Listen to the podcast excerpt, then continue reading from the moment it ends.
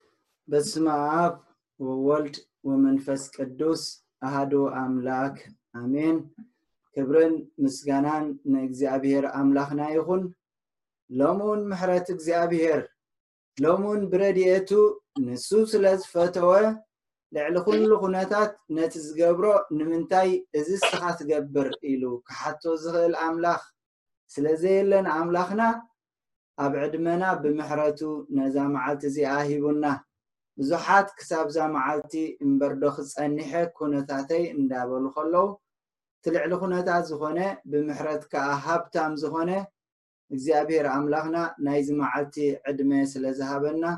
ንእግዚኣብሔር ኣምላኽና ክብርን ምስጋናን ይኹኖ። ሎሚ ካብ ዝተነበበልና ወንጌል ማቴዎስ ምዕራፍ ዓሰርተ ክልተ በቆጻጽራ ቤተ ክርስቲያንና ኣብቲ ዝሓለፈ ከም ዝበልናዮ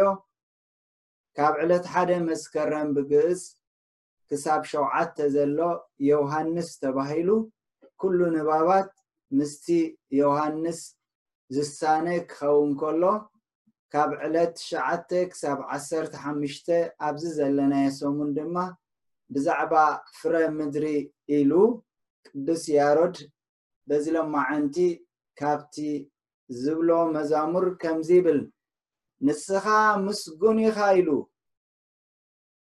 ስምካ ከኣ ዝተመስገነ እዩ ሓይልኻ ዓቢ ኣብ ኣርያም እትነብር ምስቲ ትሕት እውን እትነብር ኢሉ ምስ ገለጸ ንሰንበት ንዕረፍቲ ገበርካያ ንኹሉ ከኣ ብሓቂ ምግቢ እትህብ ንፍረ ምድሪ ትባርኽ ወጻድቕ መሓሪ ኣምላኽ ከማኻ ዝበለ መን ኣሎ ክረምቲ ብጸጋ ትኸፋፍል ዝደሓነት ነፍሲ በሊዓ ጸገበት፣ እታ ዝጠመየት ከኣ ጸጊባ ነፍሳ ዓንገለት፣ ኣመስገነት ከኣ ብምባል ነቲ ከተመስግኖ ዝግባእ ቤተ ክርስቲያን ምስቲ ወቕቲ ምስቲ ግዜያት እንዳኸድና ከምቲ ሓረስታይ ግዜኡ ጽዒሩ ለፊዑ ኩሉ ነቲ ጽቡቕ ፍረ ዝጽበ እግዚኣብሄር ከኣ ነቲ ዝሓለወና፣ ነቲ ዝሓንገረና፣ ነቲ ዝሓቖፈና ካባና ፍረ ከም ዝጽበ ንሕና እውን ፍረ ክንፈሪ ታራ ከም ዘለና ከምቲ ሓደ ጽቡቕ ግራት ዝተመሰለ ሎሚ ካብዚ ዝተነበበልና ወንጌል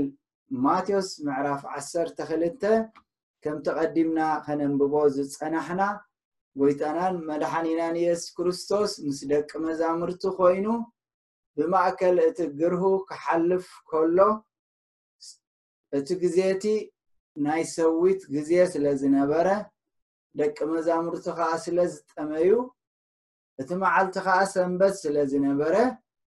በቲ መዓልቲ ሰንበት እቶም ኣይሁድ በቲ ናቶም ርድኢት፣ በቲ ናቶም ዝፈልጥዎ ሰንበት ክቕንጠብ የብሉን ዝብል ሓሳብ ስለ ዝነበሮም፣ ነቶም ሃዋርያት ክበልዑ ካብቲ ሰዊት ምስ ረኣይዎም ስለምንታይ ምግባሩ ዘይተገበኣ ነገር ገበሩ ኢሉ ምስ ሓተትዎ ንጎይታ ሓደ ዛንታ ጽቡቕ ገይሩ ንሶም ካብቲ ጽሑፋቶም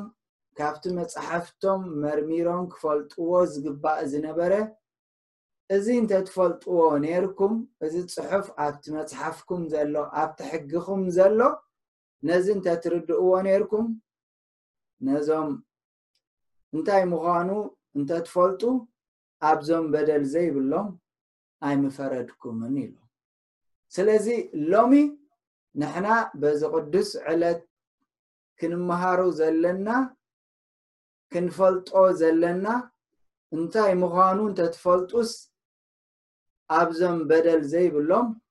ኣይምፈረድኩምን ዝተብሃለ ንህይወትና ክንደይ ግዜ ኢና ኾን ፈሪድና ክንደይ ግዜ ኢና ኾን ኣእዳውና ዋጣዊጥና ክንደይ ግዜ ኢና ኸ ኣብ ዘይምልከተና ፍርዲ ሂብና ኩናኔ ሂብና ንዕቀት ኣፍና ዝሃቦ እምሮና ክሳዕ ዝወሰኖ ዝተዛረብናዮ እግዚኣብሄር ዝደልየ ግን ከምኡ ድዩ ነይሩ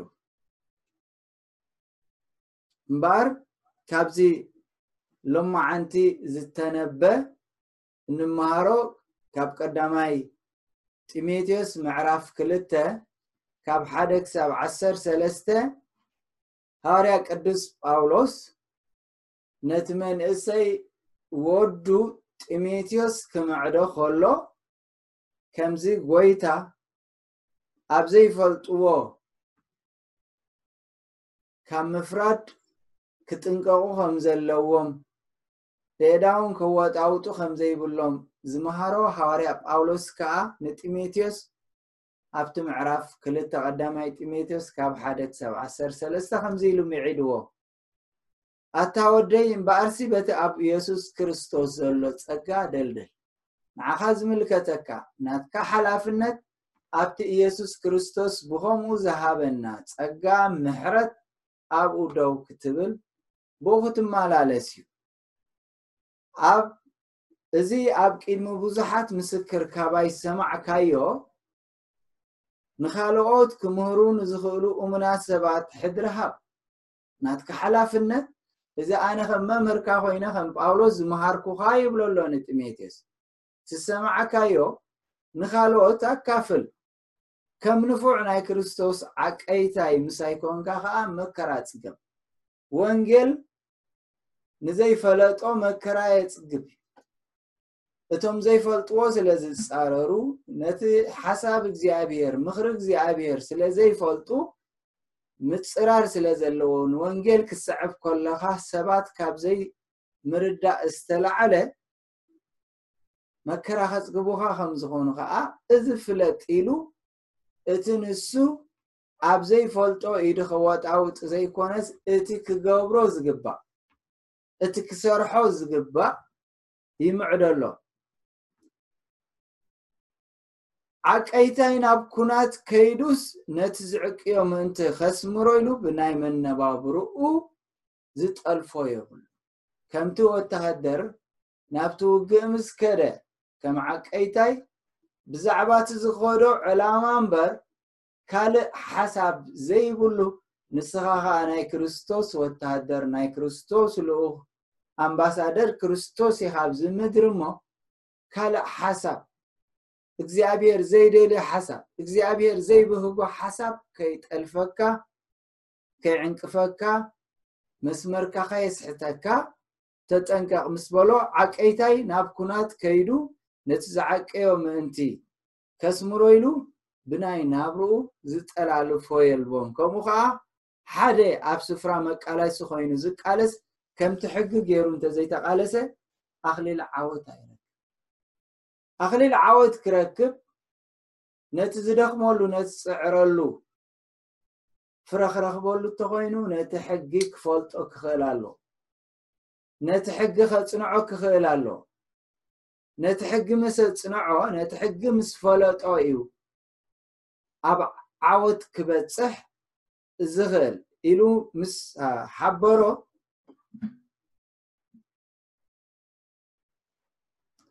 ነቲ ከም ወንጌል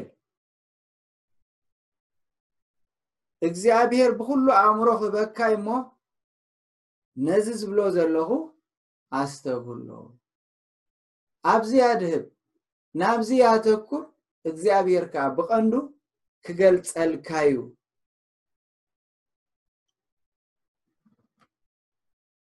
ኢሉ እቲ ክምዕዶ ዝኽእል እቲ ክነግሮ ዝኽእል ኩሉ ምስ ነገሮ ነቲ ከም ወንጌለይ ካብ ዘርኢ ዳዊት ካብ ምውታ ዝተንስአ ኢየሱስ ክርስቶስ ዘክሮ ብዛዕብኡ ከኣ ከም ገባር ክፋእ ተቖጺረ ክሳዕ ምቛሕ ሓሰራ መከራ እጸግብ ኣለኹ፣ ግናኸ እቲ ቃል ኣምላኽ ኣይእሰርን'ዩ። ስለዚ ኣነ ነቲ ኢየሱስ ክርስቶስ ካብ ዘርኢ ዳዊት ኮይኑ ናብዚ ምድሪ ንፈውሲ ዝመጸ ንምጥዓይ ዝመጸ ኣነ ኣገልጋሊኡ ኮይነ ኣብ ዘገልግለሉ ዘለኹ መከራ ጸግብ ኣለኹ ጸገም ይረኽበኒ ኣሎ ግን እቲ መከራ ዝረኽበኒ ዘሎ ንወንጌል እዩ ንወንጌል ስለ ዘይፈለጡ ንሕድሪ ኣምላኽ ስለ ዘይፈለጡ ንዓይ መከራ የፅግቡን ኣለዉ ንዓይ ስለ ዝተቃወሙኒ ንዓይ ክፉእ ስለ ዝገበሩኒ ግን እቲ ወንጌል ኣይተኣሰረን እቲ ወንጌል ኣስፋሕፍሐ ብዝበለፀ ደኣ ከደንበር ደው ኣይበለን ስለዚ እሙን ቃል እሞ ምስኡ እንተመትናስ ምስኡ ብህይወት ክንነብር ኢና ኢሉ ጳውሎስ ንጢሞቴዎስ ዝምዕዶ ዘሎ ኣንፈቱ ካይስሕት ምክንያቱ እቶም ሰባት እንታይ ምዃኑ እንተትፈልጡስ ኣብዞም በደል ዘይብሎም ኣይምፈረድኩምን ኔርኩም ዝበሎ ሎሚ እንታይ ምዃኑ ከይፈለጥካ ብይኸውን ኢልካ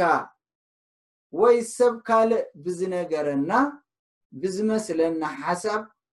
ኣብቲ እግዚኣብሄር ዘይደልዮ ውዕለት ዘይፈትዎ መንገዲ ዘይፈትዎ እሱ ዘይሰምረሉ ግብሪ ኩሉ ህዝቢ ዓለም ናብኡ ይኸይድ ስለ ዘሎ ቃል እግዚኣብሔር ብንጹር ሎሚ የለብመና ኣሎ ከምቲ ፍረ ክርከብ ሓረስታይ ሃረር ዝብል እግዚኣብሔር ከዓ ካባና ፍረ ክርከብ እንድሕር ኮይኑ ንዓይ ዝተዋህበኒ ሕድሪ እንታዩ ከም ሰብ ኣብዚ ምድሪ እዚ ክነብር ከለኹ ክገብሮ ዝግብኣኒ ተግባራት እንታዩ ኢልና ክንሓስብ እምበር ዝምልከተናን ኣብ ዘይምልከተናን ክንገብሮን ዘይክንገብሮን ዝግብኣና ብምእታው ኣብ ዘይንፈልጦ ኣብቲ በደል ዘይብሉ ከም በዳሊ ጌርና ኣእዳውና ብምውጥዋጥና ክንፈርድ ኣይግብኣናን ቃል እግዚኣብሔር ብንጹር ዝነግረና ሃዋርያ ቅዱስ ያዕቆብ እውን ኣብቲ ሓምሻይ ምዕራፉ ካብ ሓደ ክሳብ ሸዓተ ኣብቲ ዝተነበ ንባባት እንታይ ኢሉ ኣሎ ብዛዕባ ሃብታማት ኣዐርዩ ምስ ገለጸ እቲ ናይቶም ሃብታማት ግብርን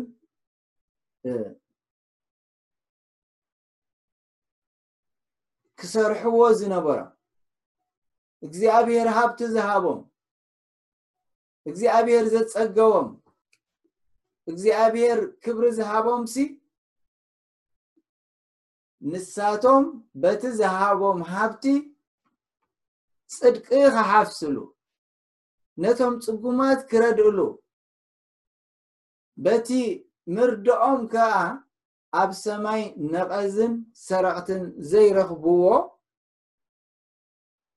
ዓስቢ ክረኽቡ ዝነበሮም ስለ ዘይተረድኦም እቲ እግዚኣብሄር ዝሃቦም እንታይ ምዃኑ እንተትፈልጡስ ኣብዞም በደል ዘይብሎም ኣይምፈረድኩምን ዝበሎ ጎይታ ኣብቶም ድኻታት ድኽነት ዝኾኑስ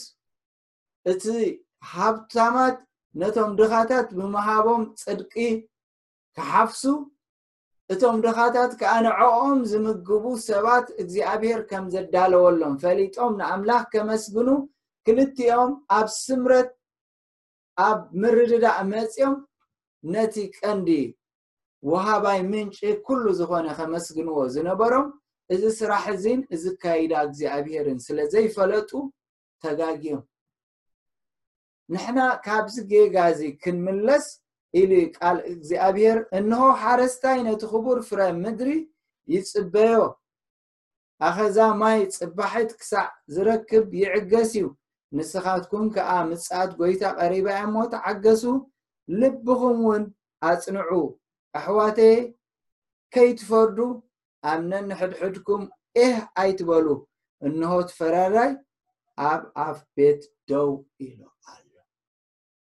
ከምቲ ሓረስታይ ነቲ ዝዘርኦ ፍረ ዝጽቢ ተጸብዩ ኸኣ ዓስቡ ዝረክብ እግዚኣብሔር ከኣ ካባኻትኩም ይጽበ ነቲ ምጽኣት ክርስቶስ ትጽበዩ ስለ ዘለኹም ንስኻትኩም ንኣምላኽ ደኣ ግብርኹም ኣጸቢቕኩም መንገድኹም ኣጸቢቕኩም ብንስሓን በቲ እሱ ዝኣዘዞ ትእዛዛት ብምግባር ነቲ ምጽኣት ትዳለዉ እምበር ንስኻትኩም ኣብቲ ቦታ ፈራዲ እግዚኣብሄር ኮንኩም ከምዚ ይርከቦ ከምዚ ይኹን እዚ እንድዩ ኣይትበሉ እቲ ፍርድስ ነቲ ፈራዳይ ቦታ ዕጫ ግደ ግደፍሉ ክንደይ ኢና ህድእ ኢልና ምስ እንሓስብ ኣፍና ዝሃበና ኩነታት ኣብ ዝፀገበና ኩነታት ኣብ ዘይጠዓመ ዝሓሰብናዮ ስለ ዘይሰለጠ ዝተራገምና ዝተፃረፍና ዝኾነና ቃል እግዚኣብሔር ግን ይብል ኣሎ እንታይ ምዃኑ እንተትፈልጡስ ኣብዞም በደል ዘይብሎም ኣይምፈረድኩምን ዝበሎ ሎሚ ኣብቲ ዘይምልከተና ፍርዲ ምሃብና ውሳኔ ምሃብና ከይንቕፅል ኣብኡ ኣይትረኸቡ እንዳበለ ቃል እግዚኣብሔር ኣብኡ ከይንርከብ ከምቲ ኣብ ግብሪ ሃዋርያት ምዕራፍ ዓሰርተ ኣርባዕተ ካብ ዓሰርተ ኣርባዕተ ክሳብ ዓሰርተ ትሽዓተ ዘሎ ንጳውሎስን ንባርናባስን ዓብ ግብሪ ስለ ዝገበሩ እግዚኣብሔር ስለ ዘጸገዎም ብዙሕ ሕማማት ምስ ፈወሱ እግዚኣብሔር በምሳል መላእኽቲ ሰብ ሰዲዱልና ኢሎም ከም ኣምላኽ ሪኦም ከመስግንዎም መስዋእቲ ክስውእሎም ምስ ደለዩ እቶም ህዝቢ ኣብ ዘይፈልጥዎ ነገር ኣብ ዘየስተውዓልዎ ነገር ይኣትዉ ከም ዘለዉ ፈሊጦም ንሕና ከማትኩም ሰባት ኢና ናብቲ ሰማይ ምድርን ባሕርን ኣባታቶም ዘሎ ኩሉ ዝፈጠረ ህያው ኣምላኽ ክትምለሱ ነበስረኩም ኣለ ኣንፈትኩም ስሒትኩም ኣለኹም ኣብ ዘይምልከተኩም ፍርዲ ትህቡ ኣለኹም ኣብ ዘይምልከተኩም ውሳኔ ትህቡ ኣለኹም እንታይ ደኣ ናብቲ ዝሓለፈ ንሱ ብዝሓለፈ ወለዶታት ንኩሎም ኣህዛብ መንገዶም ይኺዱ ሓደጎም ምስናይ እዚ ግን ጽቡቕ እናገበረ ካብ ሰማይ ዝናብ ፍርያት እናሃበ ንልብኹም ብመብልዕ ሕን ሓጎስን እናጽገበ ርእሱ ብዘይ ምኽንያት ወይ ከዓ ብዘይ ምስክር ዘይሓደገ እግዚኣብሔር ናብኡ ክትጥምቱ ኢሎም ነቲ ጌገኦም ናብ ንቡር ከም ዝመለስዎም ሎሚ ዝምልከተናን ዘይምልከተናን ክንገብር ነቲ ክንገብሮ ዝግብኣና ከይንርስዕ ከምቲ ቃል እግዚኣብሄር ኣሕሚሙ ዝብለና ዘሎ እንታይ ምዃኑ እንተትፈልጡስ ኣብቶም በደል ዘይብሎም ንስኹም ግን ከም በደለኛታት ሓሲብኩም ትፈርዱ ዘለኹም ኣይምፈረድኩምን ነይርኩም ስለዚ ሎሚ ኣነ ንገዛእ ርእሰይ ምስ ስድራ ቤተይ ከመይ ኣለኹ ኢልና ንሓተሉ እዩ እግዚኣብሔር ንይህብ ምህረቶ ወምድሪ ንትህብ ፍሬሃ ጽድቂ ይሃውር ቅድሜሁ እግዚኣብሔር ድማ ሰናይ ክበና እዩ ሃገርና ፍርያት ክትህብ ጽድቂ ቀቂድሙ ክኸይድ ኣሰር ኣሰሩ ክስዕብ ኢሉ ኣብ መዝሙር ሰማንያን ኣርባዕተን ወይ ከዓ ሰማንያን ሓሙሽተን ዓሰርተ ክልተ ዝገለፆ ነዚ በረኸት እዚ ክንረክብ ዝተፀዋዕና ህዝቢ እግዚኣብሔር ኣነፂሩ ብቃላቱ ይብለና እግዚኣብሔር ዝደልሲ ከምቲ ወንጌል ዮሃንስ ምዕራፍ ዓሰርተ ሓሙሽተ ብንፁር ዝበለና ምንነትና ቅድም ንፍለጥ ኣብዚ ክራማት ጸኒሑ ሓረስታይ እቲ መስከረም ክመጽእ ከሎ ምስቲ መጀመርያ ሓድሽ ዓመት ኣፍ መኽፈቲ ሰዊት ዝሰወተ ወይ ዝጨልቀዐ ኣሎዶ ኣፍና ክንከፍት ሸዊት ክንጥዕም ኢሉ ሃረር ዝብል ለይትን ምስ መዓልትን ነቲ ዘሰገነ ነቲ ዝጨሓመ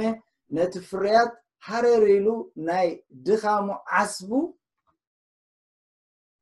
ካብ ግራቱ ክረክብ ቁልሕ ኢሉ ዝጥምት ኣቦታት ኣዴታት ኣሕዋት ኩላኻትኩም ውሉድ ናይ ክርስቶስ ቤተሰብ እግዚኣብሄር ከዓ ልክዕ ብመጠን ቃል ኣምላኽ ዝተምሃርናዮ ልብና ናብኡ ይቐርብ ደሎ ንንስሓ ዝኸውን ልቢ ይህልወና ዶ? ንሕድገት ዝኸውን ልቢ ይህልወና ዶ? ንኣምላኽ ሃረር ዝብል ብኡ መጠን ክንሓስብ ኢሉ እዩ ወንጌል ዮሃንስ ምዕራፍ ዓሰርተ ሓሙሽተ ካብ ሓደ ክሳብ ዓሰርተ ሸውዓተ ዘሎ ብዛዕባ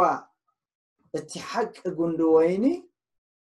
እግዚኣብሄር ባዕሉ ምዃኑ ተኻሊኡ ንሱ ምዃኑ ንሕና ከዓ ከም ጨናፍር ኣብኡ ክንህሉ ኣብኡ ምህላው ጥራይ ዘይኮነ ፍረ ክንፈሪ ኣብኡ ክንፀንዕ ኣብኡ ብምፅናዕና ፍረ ከም ንፈሪ ብዘይ በኣይ ብጀካይ ሓንቲ እኳ ክትገብሩ ኣይትኽእሉን ኢኹም ኣነ ጉንዲ ወይነ ጨናፍር ከዓ ንስኻትኩም ኢኹም ጨናፍር ንስኹም ኢኹም ኣባኢኹም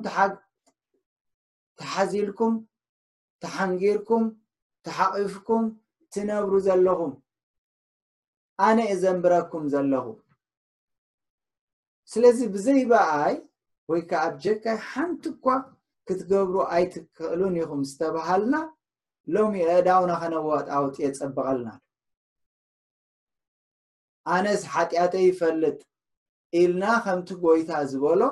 ኣብ ዓይንኻ ዘሎ ጉንዲ ዘየውፃእካ እንዳማትካ በሰር ከውፅእ እትብል እስኻ እንተዋ ኢኻ ዝተባህለ ንሕና ኣብቲ ጉንዲ ወይኒ ኮይነ ፍረ ይፈሪ ኣለኹዶ ኣባይ እንተፀናዕኩም ቃለይ እውን እንተሓለኹም እትደልዎ ዘበለ ትልምኑ እሞ ይኾነሉ ንሕና ዝተፀዋዕናዮ እግዚኣብሔር ካባና ዝደልዮ ዘሎ ኣብቲ ዝተፀዋዕናዮ ቃል ደው ክን ድምፁ ክንሰምዕ ንዑ ክንእዘዝ እሞ እቲ ንልምኖን ንደልዮን ክንረክብ ዝተፀዋዕና ሰይጣን ብዝዘርኦ ሓሳብ ግን ንርእስና እንታይ እዩ ሓላፍነትና ካይበልና ኣብቶም በደል ዘይብሎም ግን ንሕና በደል ዘለዎም ዝመሰለና ክንፈርድ ክንኩንን ፀሓይ ዝዓርበና ዘሎ ሎሚ ንነብስና ክንፈልጥ ኣባይ እንተፀናዕኩም ቃለይ ከዓ ኣባኻትኩም እንተሓደረ ትደልይዎ ዘበለ ትልምኑ እሞ ይኾነልኩም ብዙሕ ፍረ እንተፈረኹም ኣቦይ በዚ ይኸብር ደቂ መዛሙርተይ ከዓ ትኾኑ ኣባይ እንተፀናዕኩም ብምጽናዕኩም ከኣ ብዙሕ ፍረ እንተ ፈረኹም እቲ ትረኽብዎ ዘለኹም ረብሓ ደቂ መዛሙርተይ ትኾኑ እሞ ኣቦይ ከኣ ኢሉ ጎይታና ንመድሓን የሱስ ክርስቶስ ብእዚ ይሕጎስ በዚ ደስ ይብሎ ኢሉ ከምቲ ኣቦይ ዘፍቀረኒ ኣነ ከዓ ኣፍቀርክኹም ኣብ ፍቕሪ ጽንዑ ኣብቲ ኣነ ኣፍቂረኩም ዘለኹ ጽንዑ ተባሂልና ዝተጸዋዕና እሞ ናይ ፍቕርና ፍረ እግዚኣብሔር ክቐንጥብ ፍረ ፍቕሪ ፍረ ትሕትና ፍረ ንስሓ ፍረ ቁርባን ካባና ክቐንጥብ እንዳተጸበየ ብዘይስተውዓልናዮ ኣብ ዘይንፈልጦ ነገር ክንፈርድ ኣእዳውና ከነዋጣውጥ ተጸኒሕናዮ፣ እስኻ ዝተጸዋዕካዮ፣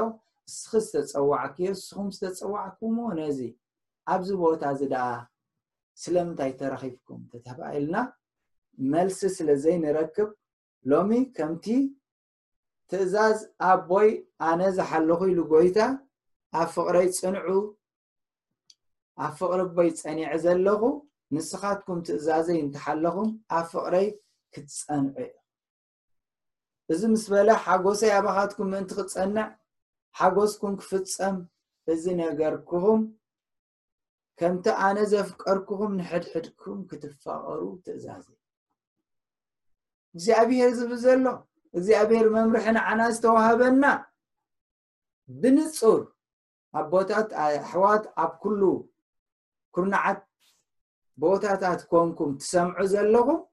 ንዓና ዝተዋህበና ቃል እግዚኣብሄር ከምቲ ንሱ ዘፍቀረና ንሓድሕድና ክንፋቐር እዚ ትእዛዝ ይብን እንታይ ምዃኑ ኣብ ዘይንፈልጦ ክንኩንን ዘይኮነ ዝተፀዋዕናየስ ንሕና ዝተፀዋዕናየስ ከምቲ ኣነ ዘፍቀርኩኹም ንሕድሕድኩም ክትፋቐሩ ትእዛዘይ እዚ ዝተዋሃበኩም ዕዮ ገዛ ዝተዋሃበኩም ሕድሪ ትገብርዎ ዝነበረኩም ሲ እዚ እዩ ኢሉ ስለዚ ከምቲ ደቂ መዛሙርትኻ ክግበር ዘይግብኦ ይገብሩ ኣለዉ ሕደጉ በሎም ኢሎም ተሪሮም ንጎይታ ምስ ተዛረብዎ እንታይ ምዃኑ እንተትፈልጡስ ኣብዞም በደል ዘይብሎም ኣይምፈረድኩምን ነርኩም ዝብሎ ዘሎ ጎይታ ንሕና ኣብ ዘይንፈልጦ የእዳውና ኣወጣዊጥና ብምፍራድና ካብ እግዚኣብሔር ኩነና ከይበፅሐና ሰብ ንህይወቱ ኣብ ክንዲ ዕርኹ በጃ ክሓልፍ ካብዚ ዝዓቢ ፍቕሪ እዩ ንሓዉ ክኹንኖ ንሓዉ ከምዚ እንዲ ክብሎ ዘይኮነ ንሕድሕዱ እንድሕር ኣፍቂሩስ ነቲ ዘፍቅሮ ከዓ በጃ ክሓልፈሉ ኣነ ክሓልፍ ንስኻ ፅናሕ ኢሉ ደኣ ህይወቱ የሕልፍ ነዚ ተግባር ዝገብር እምበር ንፍርዲ ሕሊፉ ንኹናኔ ኣሕሊፉ ክህቦ ቃል ኣምላኽ ኣብ ዋላ ሓደ ኣይድግፈናን ሎም እምበኣር ንገብሮ ዘለና ካብቲ ቃል እግዚኣብሄር ማዕረ ክንደይ ወፂና ከም ዘለና ርሒቕና ከም ዘለና ቃል እግዚኣብሔር ብንጹር ይብል ኣሎ ከምቲ ኣነ ዘፍቀርክኹም ንሕድሕድኩም ክትፋቐሩ ትእዛዘይ እዚ እዩ ሰብ ንህይወቱ ኣብ ክንዲ ዕርኹ በጃ ክሕልፍ ካብዚ ዝዓቢ ፍቕሪ የልቦን ስለዚ እቲ ዝዓበየ ፍቕሪ ከምቲ ጎይታ በጃ ነብሱ ዘሕለፈ ንዓና እግዚኣብሔር ዘለዎ ፍቕሪ ዝገለጸልና ንሕና ከዓ መግለፂ ፍቕርና ኣብ ምኹናና ኣይኮነን ኣብ ምንዓቕና ኣይኮነን ኣሕሊፍና ምሃብና ኣይኮነን እንታይ ምዃኑ እንተትፈልጡስ ኣብዞም በደል ዘይብሎም ኣይምፈረድኩምን ነርኩም ተባሂሎም ዝተገንሑ እዚ መግናሕቲ እዚ ሎሚ ኣባይን ኣባኻትኩምን ከይወርድ ንስኻትኩም እዝኣዘዝኩኹም ዘበለ እንተ ገበርኩም ኣዕርኹተይ ኢኹም ተባሂሉ ዝተዋህበና ብልጫ ዝተዋህበና ሓለፋ ኣዕርኹቲ እግዚኣብሄር መሳርሕቲ እግዚኣብሄር ክንከውን ዝተዋህበና ዕድል ከየምልጠና ከይሓልፈና ምክንያቱ ቅፅል ኣቢሉ እንታይ ኢሉ ኣሎ እቲ ካብ ኣቦይ ዝሰማዕክዎ ዘበለ ንኣኻትኩም ስለ ዘፍለጥኩኹም ኣዕርኽቶ ኢኹም ዝበልኩኹም ባርያስ ጎይትኡ ዝገብሮ ኣይፈልጥን እዩ ደጊም ባሮት ኣይኮን እግዚኣብሔር ካብ ባርነት ናብ ሓርነት ኣምፂኡ እቲ ሓላፍነትና ዝሃበና ሎም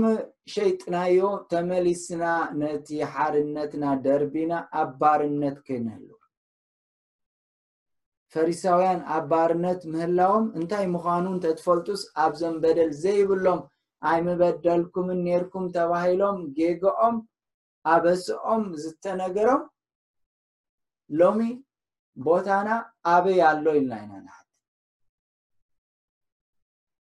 ማዕረ ክንደይ ሎሚ ንጸሎት ዶ ይቕድመኒ ንሕድገት ዶ ይቕድመኒ ንምድንጋጸ ዶ ይቕድመኒ ወይስ ንፍርዲ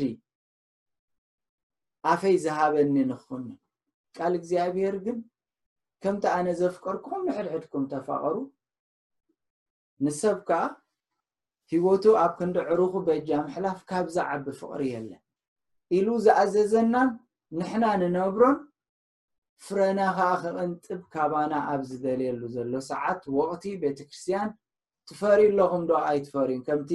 ኣብ ዝሓለፈ ሰሙን ዝረኣናዮ ናይ ሓድሽ ዓመት ሽዑ እውን ዝተዛረብናዮ ሓድሽ ዓመት ኢላ ቤተክርስትያንሲ ዓመት ሙሉእ ዝተሓለኹሞ ዓመት ሙሉእ ዝተመሓርኩሞ ዝሓንገረኩም ዝሓዘለኩም እግዚኣብሄር ተጼርኩሞ ዝመጻኹም ዘክሩ ከም ትብል ኢልና ከም ዝተምሃርናዮ ሎሚ ከዓ ነቲ ዝተኣዘዝናዮ ዝበቅዕ ፍረ ፈሪና ዶ ምክንያቱ ኣነ ሓረኹኹም እምበር ንስኻትኩም ኣይሓረኹም ስለዚ እዚ ሕርየት እዚ ዝፀዋዒት እዚ ክርስትና ምዃን እግዚኣብሔር ስለዝሓረየና ኣእምሮና ስለዝኸፈተ ንክንኣምኖ ከዓ ሓይልን ምስትውዓልን ስለ ዝሃበና እዩ። ንስኻትኩም ኣይሓረኹምንን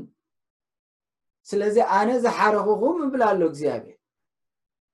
ንዓኻትኩም ኣብ መስቀል ሞይተ ንብረተይ ክትኮኑ ህዝበይ ክትኮኑ ሓሬ መሪፀ ሰዓብተይ ክትኮኑ ዝገበርኩኹምሲ ክትከዱ ክትከዱ ጥራይ ዘይኮነ ፍረ ክትፈርዩ እቲ ፍረቲ ከቲ ትፈርይዎ ፍሬኹም ነባሪ ክኸውን ንሓደ ግዜ ተራእዩ ዝጠፍእ ኣውሊ ዘይኮነ ሲ ከይድካ ፍረ ትፈሪ እቲ ፍረቲ ከዓ ነባሪ ክኸውን እዩ ዝፅዋዕኩሞ ነቦይ ብስመይ ዝለመንኩሞ እንትኽበኩም ነዚ መደብኩም ኣነ ዝመዲበኩም ደለኹ ክትከዱ ፍረ ክትፈርዩ ነባሪ ዝኾነ ፍረ ክትፈርዩ ዝመደብኩኹም ንስኻትኩም ግን ኣብ ዘይተመደብኩምሉ ኣብ ዘይተሓረኹምሉ ክትህልዎን ክትገብርዎን ክትነብርዎን ዘይነበረኩም ግብሪ እንድሕር ትገብሩ ኣለኹም እንታይ ምዃኑ ተትፈልጡስ ኣብቶም በደል ዘይብሎም ኣይምፈረድኩምን ዝተባሃለ ሎሚ እንታይነትና ዘይምፍላጥ ሓላፍነትና ዘይምፍላጥ ክንገብሮን ዝተፀዋዕናሉን ኣምላኽ ዝደልየና ስለ ዘይፈለጥና ክንፈሪ እንዳተጸበየና ኣብዘይ ቦታና እንድሕር ተረኺብና ልክዕ ከምቲ ብሉቃስ ምዕራፍ ሽዱሽተ ካብ ዕስራን ሸውዓተን ክሳብ ሰላሳን ሽዱሽተን ኢልዎ ዘሎ ንዓኻትኩም እትሰምዑኑ ግና ኣብለኩም ኣለኹ ኢሉ እግዚኣብሄር ንዝሰምዕዎ ጽን ኢሎም ንዝእዘዝዎ ጸላእትኹም ኣፍቅሩ ኢሉ ፍረ ክንፈሪ ቅድሚ እግዚኣብሔር ጥዑም ዝኾነ እግዚኣብሔር ዝቐንጠብ ካባና ክረክብ ተኾይኑ ንዓኹም እትሰምዑኒ ጸላእትኹም ኣፍቅሩ ንዝጸልእኹም ጽቦ ግበሩ ንዝረግምኹም መርቑ ምእንቲ እቶም ዝጸርፍኹም ጸልዩ መጥልሕካ ንዝወቃዓካ ተኸላኣይ ትምለሰሉ ክዳንካ ንዝወሰደ ቀሚሽካይ ትኽላኣዮ ንዝለመነካ ሃብ ገንዘብካ ሃብ ዝወሰደ መሊስካይ ትድለ ከምቲ ሰብ ክገብርልኩም እትደልዩ ንስኻትኩም ድማ ከምኡ ግበሪሉ ብዘነፀረ መምርሒ ዝሃበና ሎሚ ኣብ ንፈልጦን ዘይንፈልጦን ክንኩንን ንውዕል ዘለና እንታይ ኮን ይኸውን እቲ ምኽንያት ኢልና ምልስ ኢልና ንነብስና ክንሓትት ሓቲትና መልሲ ክንረክበሉ ይግባእ ምክንያቱ ንፀላእትኹም ኣፍቅሩ ፅቡቅ ከዓ ግበሩ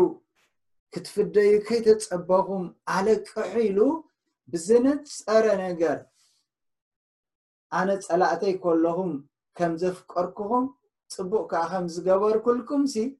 ንስኹም ግበሩ ምክንያቱ ኣነ እግዚኣብሄር ንዘመስግኑን ንዘይመስግኑን ንሕሱማትን ንዘይመስግኑን ርሕሩሕ እየ እሞ ዓስብኹም ብዙሕ ክኸውን ኢሉ ብዝነፀረ ኣሉ ክንብሎ ዘይንኽእል ቃል እግዚኣብሄር ክንገብሮ ዝግባኣና ነጊሩና እሞ ከደ ኣብዛ ዓመት እዚኣ ዓመት ዕልልታ እቲ ክብኩብታን ኣንበጣን ዝበልዕዎ ንከሓሰሉ ምስ እግዚኣብሄር ንዕረቐሉ ዓመት እግዚኣብሄር ዝኸብረሉ ግዜ ክኸውን እንተኾይኑ ቃል እግዚኣብሄር ንፀላእትኹም ኣፍቅሩ ጽቡቅ ግበሩ ክትፍደዩ ከይተጸበኹም ኣለቅሑ እግዚኣብሄር ንዘይመስግኑን ንሕሱማትን ርሕሩሕ እሞ ዓስብኹም ብዙሕ ክኸውን ውሉድ እቲ ልዑል ኣምላኽ ከኣ ክትበሃሉ ኢሉ ከንትበኹም ርሕሩሕ ዝኾነ ርሕሩሓት ኩኑ ኢሉ እግዚኣብሄር እንታይ ምዃኑ ኣብ ዘይንፈልጦ